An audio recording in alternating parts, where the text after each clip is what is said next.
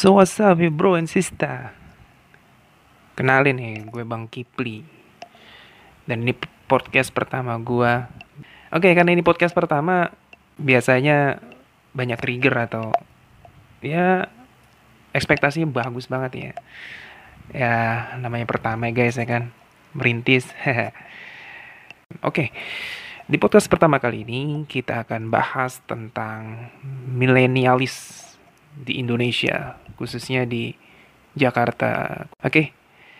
milenials ini kan zaman sekarang sangat familiar ya di kuping kita terkait milenials itu generasi zaman now, anak-anak muda yang mempunyai karakteristik yang uh gitu. Apa ya uh itu apa tuh?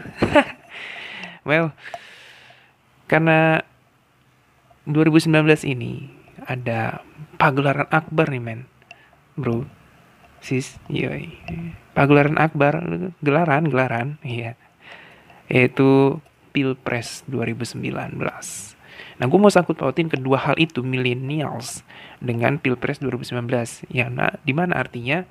Ini millennials pasti bisa milih nih di 2019 itu. Nah seberapa pentingkah millennials itu untuk memilih di 2019 ini? Apa sih yang harus milenials lakukan uh, suara mereka itu bagus nggak sih? Iyalah suara mereka bagus. Pencarian bakat. Maksudnya menentukan banget nggak sih uh, untuk pilpres tahun ini? Untuk lima tahun ke depan mencari pemimpin. Pemimpin planet Namek. Piccolo itu pak. Oke tapi sebelumnya terkait itu nanti coba kita dengarkan dulu.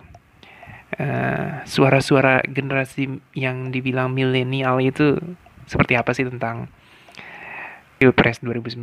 Kenapa dia harus memilih di Pilpres 2019? Check it out. Check this out ya Allah. Tuh boleh kejelek amat ini. Oke okay, guys. Coba dengerin.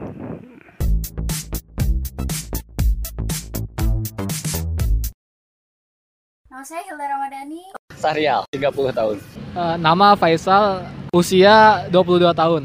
Nama saya Karda dari Aceh, umur 28. Penting nggak sih pemilu menurut lo? Penting banget, penting. Karena pemilu itu untuk menentukan pimpinan kita yang akan datang gitu. Oh. Jadi satu suara kita tuh sangat dipentingkan sekali. Penting. Uh, untuk menentukan masa depan bangsa lima tahun ke depan. Penting Wah, penting banget. Pemilu nanti, milih nggak? Insya Allah pastinya akan milih. Insya Allah ngasih. Insya Allah. Insya Allah milih. Insya Allah. Kenapa tuh lo mau milih? Karena ya tadi satu satu suara kita tuh untuk pemimpin yang akan datang. Ya kan kita milih pemerintah mau dibawa ke mana oleh pemerintah itu Indonesia ke depannya lima tahun ke depan. Uh, karena ini merupakan momen demokrasi yang sangat mungkin cukup lama ya lima tahun sekali maka itu satu suara kita akan menentukan Indonesia ke depan ya karena pemilu itu kan menentukan hajat hidup orang banyak ya. Terus kita milihnya lima tahun sekali. Jadi kalau kita salah pilih bisa salah. Biasanya banyak kesalahan lah dalam penataan kehidupan masyarakatnya.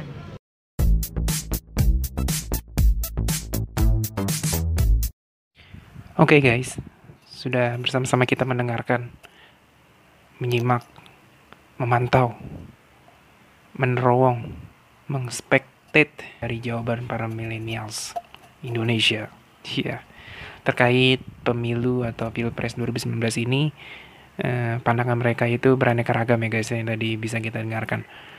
Well, uh, karena memang millennials ini menurut statistik sangat banyak sekali ya totalnya di Indonesia ini maka dari itu kalau kita tidak mencerdaskan atau ya mencerdaskan men gile ya intinya kalau kita tidak menggiring mereka untuk memantapkan hak pilihnya untuk memilih ya bukan untuk golput. Ya cukup disayangkan sekali dengan angka yang sangat banyak statistik, statistik millennials yang ada di Indonesia ini. Kalau golput tuh sayang banget men. Apa lu yang lagi denger ini masih golput? Mungkin kalau pakai argumentasi narasumber dari para milenial saja kayak kurang cukup ya. Terkait millennials itu posisinya untuk di pilpres ini bagaimana sih gitu kan? Apakah harus memilih atau tidak? Terus penting banget kan millennials ini perannya di 2019 untuk pemilu ini? Well eh, bakal kita dengarkan kembali eh, seorang narasumber yang bisa dikatakan mewakili pemahaman terkait generasi millennials ini ya yang dia itu eh, mungkin pas untuk dijadikan apa namanya acuan untuk tema kita kali ini. Kita dengarkan saja penjelasan dari narasumbernya. Check this out.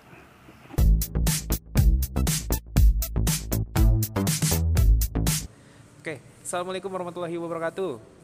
Waalaikumsalam warahmatullahi wabarakatuh. Oke guys, eh gua sekarang lagi bersama orang yang uh gitu, yang pas nih gua buat narasumber.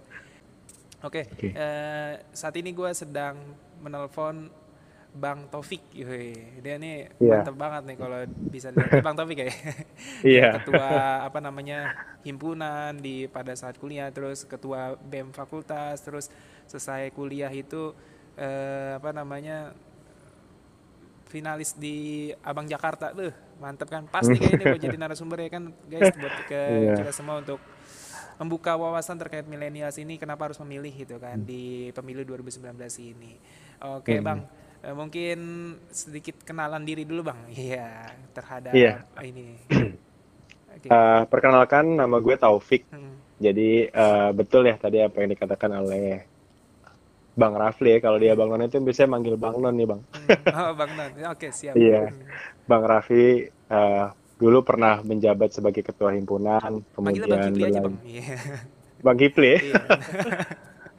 kemudian ketua BEM Fakultas, terus setelahnya itu wakil ketua BEM UI, dan 2016 itu pernah menjadi Abang Jakarta. Gitu. Hmm. Oh, kan? Jadi kurang lebih gambarannya gitu. Kalau nama lengkap saya ini gue, gue Iya, ini iya, Taufik gue. Hidayat. Gitu. Taufik Hidayat Nah, biasa dipanggil Taufik aja lah. Oke, siap Taufik ya. Bang. Non ya. Oke, tadi udah jelasan guys, bener kan nih gue yang gue yang omongin ya kan, dia emang mantap banget buat ini, buat apa namanya? ya itulah. buat kita jadikan narasumber nih guys buat millennials ini. Iya.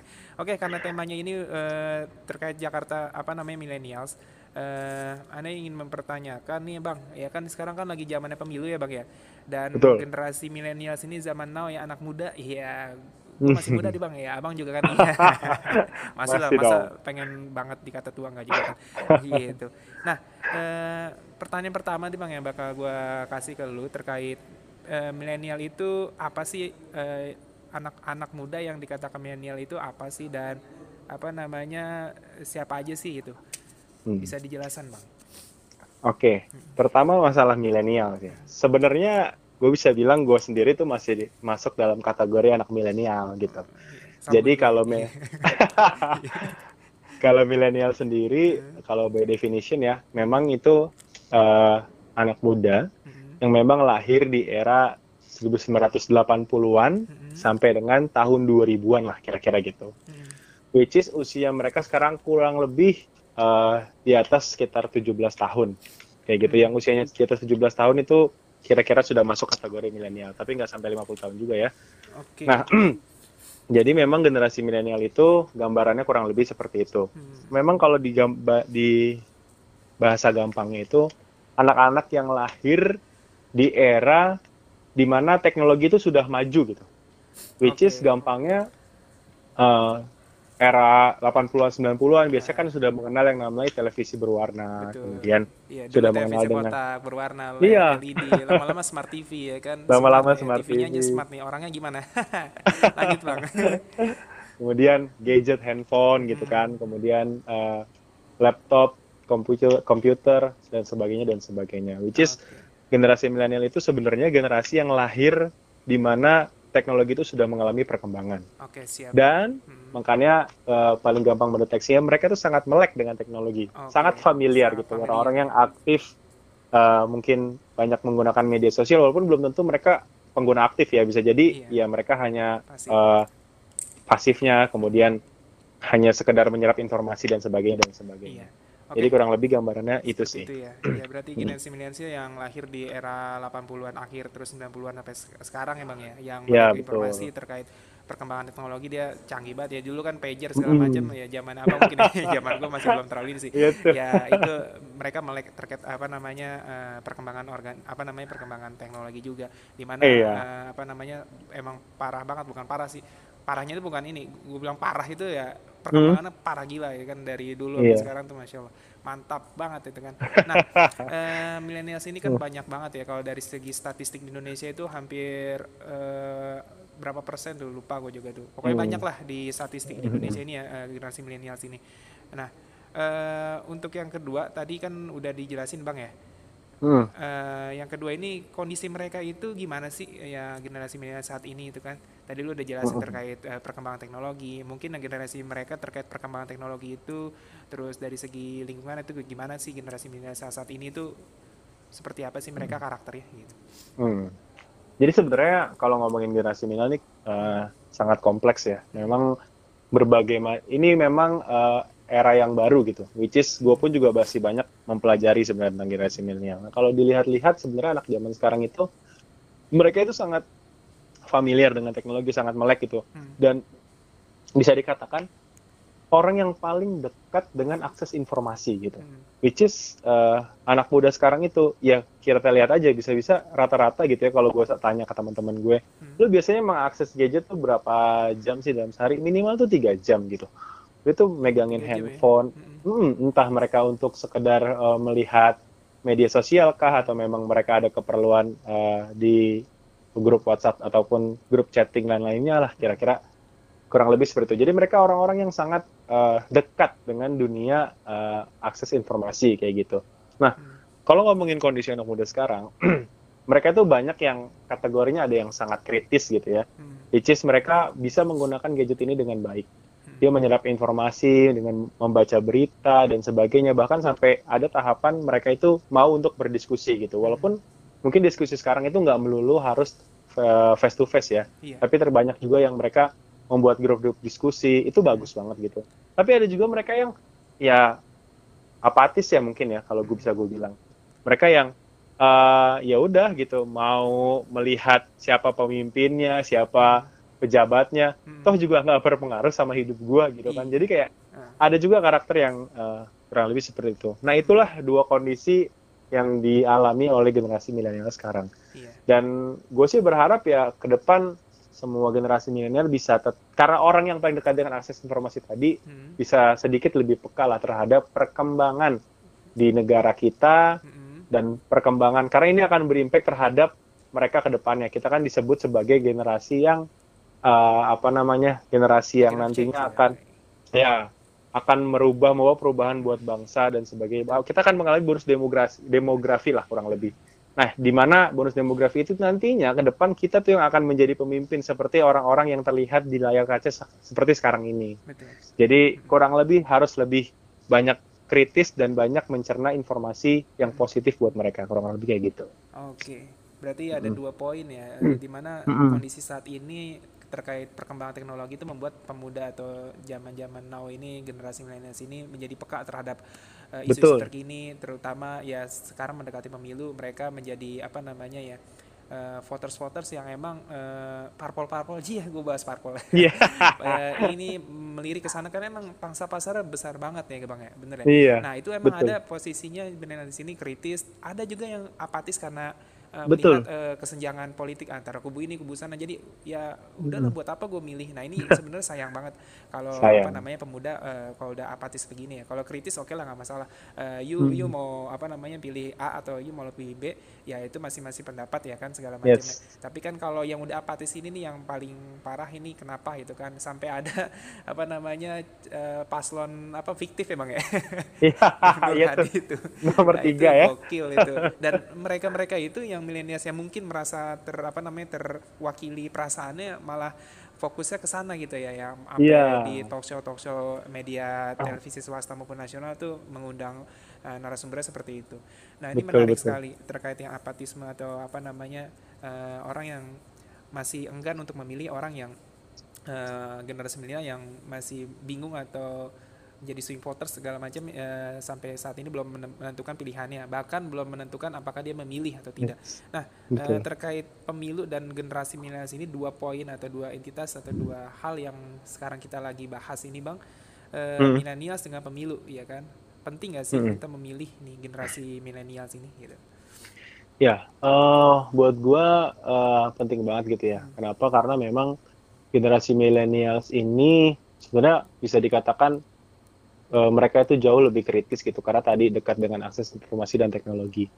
Memang eh, kenapa ini penting? Dulu kan gue memahami ya bahwa eh, kayak quotes 5 menit untuk lima tahun ke depan dan sebagainya kurang gue lihat kayak ah ini mah cuman quotes quotes biasa aja dulu ya gue menafsirkan kayak gitu kayak Hmm. paling juga ini kan cuman idenya KPU untuk penyemangat gitu Iya, orang-orang supaya mau datang ke TPS dan memilih tapi setelah gue dalami gitu ternyata itu maknanya dalam banget gitu Hmm. itu nggak cuma lima menit untuk lima tahun dan sebagainya tapi memang lu bayangin deh misalkan lu datang ke TPS Hmm. lu lima menit memilih Hmm. kemudian setelah itu terpilih pemimpinnya Iya. pemimpin yang terpilih nanti itu kan akan eh, mempengaruhi struktur kabinet ke depannya gitu Betul. orang-orang siapa yang nanti orang-orang yang akan dia pilih nantinya. Hmm. Kemudian struktur kabinet itu itu kan akan mempengaruhi rancangan eh, planning gambaran perkembangan Indonesia selama lima tahun ke depan. Kan kering- kurang lebih kayak gitu. Iya. Ujung-ujungnya gambaran eh, pembangunan Indonesia selama lima tahun ke depan itu kan juga akan berimpact ke kita. Apakah memang ini perkembangannya bagus ataukah malah buruk dan sebagainya dan sebagainya. Jadi buat gua maknanya itu dalam banget gitu. 5 menit untuk lima tahun.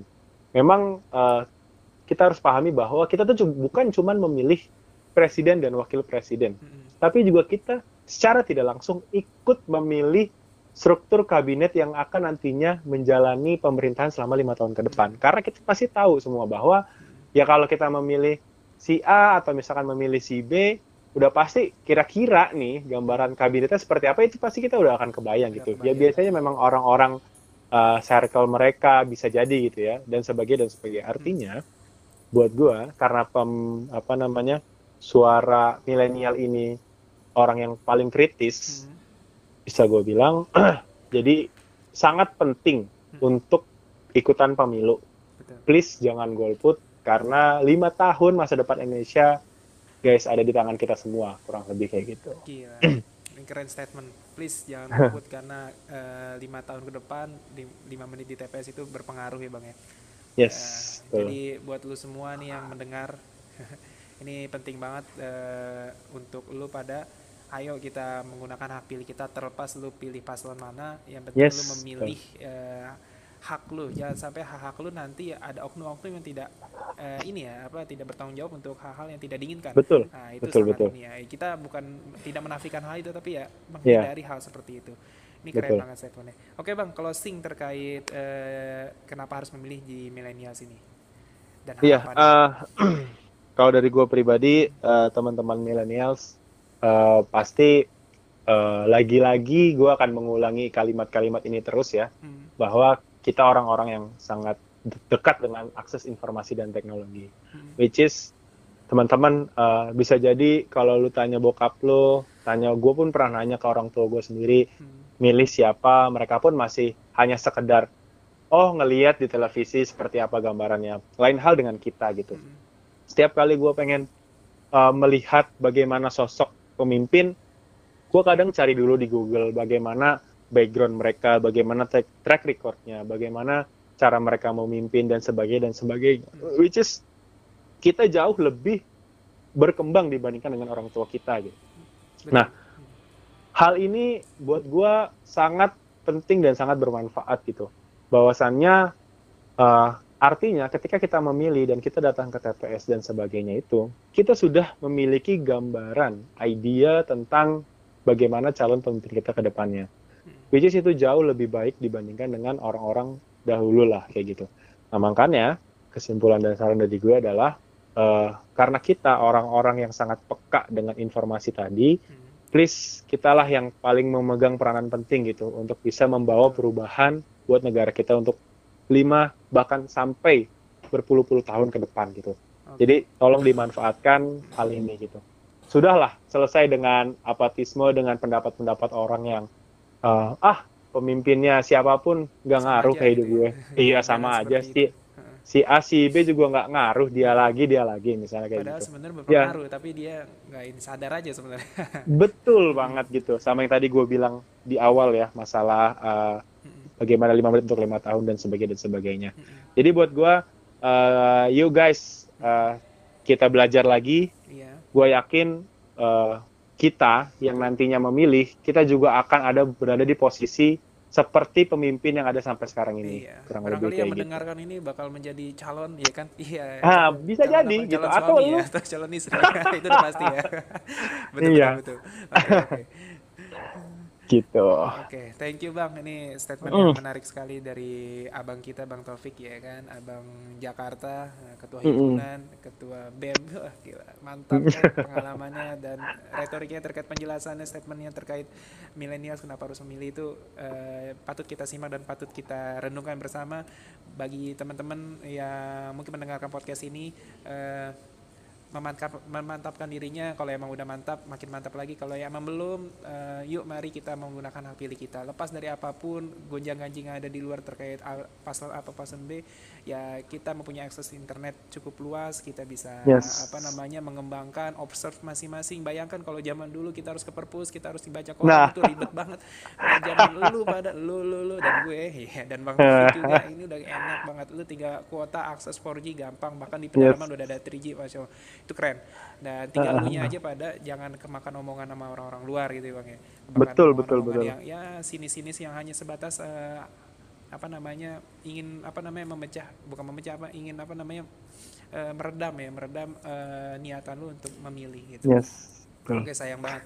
Yang lu bilang apa namanya awalnya tadi apa tidak bakal nggak mungkin lah eh, buat apa sih kita memilih lima tahun atau juga nggak ada apa-apa itu bohong banget sebenarnya eh, omong Yes. kosong. Lu lu memilih ya pasti dampaknya tuh apa pun itu berdampak sama lu. Lu lu infrastruktur misalnya eh, apa namanya lu ngurusin SIM segala macam hal terkecil itu pasti berdampak. Cuman Yes. masalahnya kita nggak peka aja kepada iya nggak peka. pernah nih. Oke. Thank you Bang atas waktunya Ha-ha. udah bisa Siap. gua tanya-tanya terkait tema podcast ha, pada pertemuan kali ini. Eh, Mhm. Mungkin nanti ini kan pemilu akan ada debat-debat ya. Mungkin teman-teman pada guys ya kan yang lu mendengarkan ini bisa nonton debat itu penting banget debat men ya. Bukan berarti Setuju. ke debat kusir ya. tapi ya debat kusir yang channel sebelah enggak. Eh, tapi apa namanya?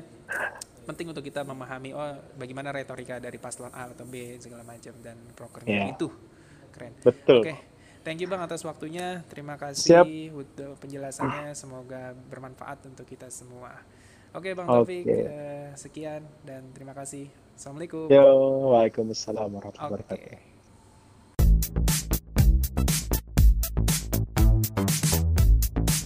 Oke bro and sis, barusan udah kita dengerin ya dari narasumber kita tentang paparannya, pernyataannya, statementnya, dan argumentasinya. Cih. Untuk millennials ini di posisi 2019 ini seperti apa? Dan titik poinnya adalah adalah bisa kita simpulkan bahwasannya eh, milenial ini kenapa harus memilih? Ya menurut gua pribadi ya emang harus memilih gitu. Ya apa salahnya memilih gitu kan? Lepas dari perbedaan-perbedaan baik eh, apa lu punya pilihan dan segala macam ya itu emang sudah hal yang biasa men. Perbedaan itu yang udah hal yang biasa lu sama gua aja udah beda emak gitu kan. Dari awalnya udah beda gitu kan. So nggak masalah dengan perbedaan. Tapi yang bermasalah adalah ketika lu punya hak pilih tapi lu nggak memaksimalkan hak itu. Malah golput. Oh men. Sayang banget buat kemajuan Indonesia. Yoi. Bukan kemajuan planet Namek ya. Selama lima tahun ke depan. Ya gunakan hak pilihmu dengan baik dan bijaksana. Kalau tidak ya fatal juga sih. Fatalnya apa akan diminta pertanggungjawaban. Wih keren. Ya sayang aja sih eh, lu udah berhak milih dan lu tidak memilih gitu. Oke guys, eh, semoga podcast pertama kali ini terkait millennials itu di posisi 2019 itu kenapa harus memilih? Dan semoga lu tercer- tercerdaskan. Lu memantapkan diri untuk memilih eh, di 2019 nanti. Ya 17 April. Gitu mark your calendars ya Oke, gitu aja uh, untuk tema podcast pertama kali ini. Semoga bermanfaat buat lo semua untuk bisa ambil hikmahnya, positifnya, ya negatifnya dibuang aja. Ya, dibuang aja, ditanam terserah. Hehe. Bye.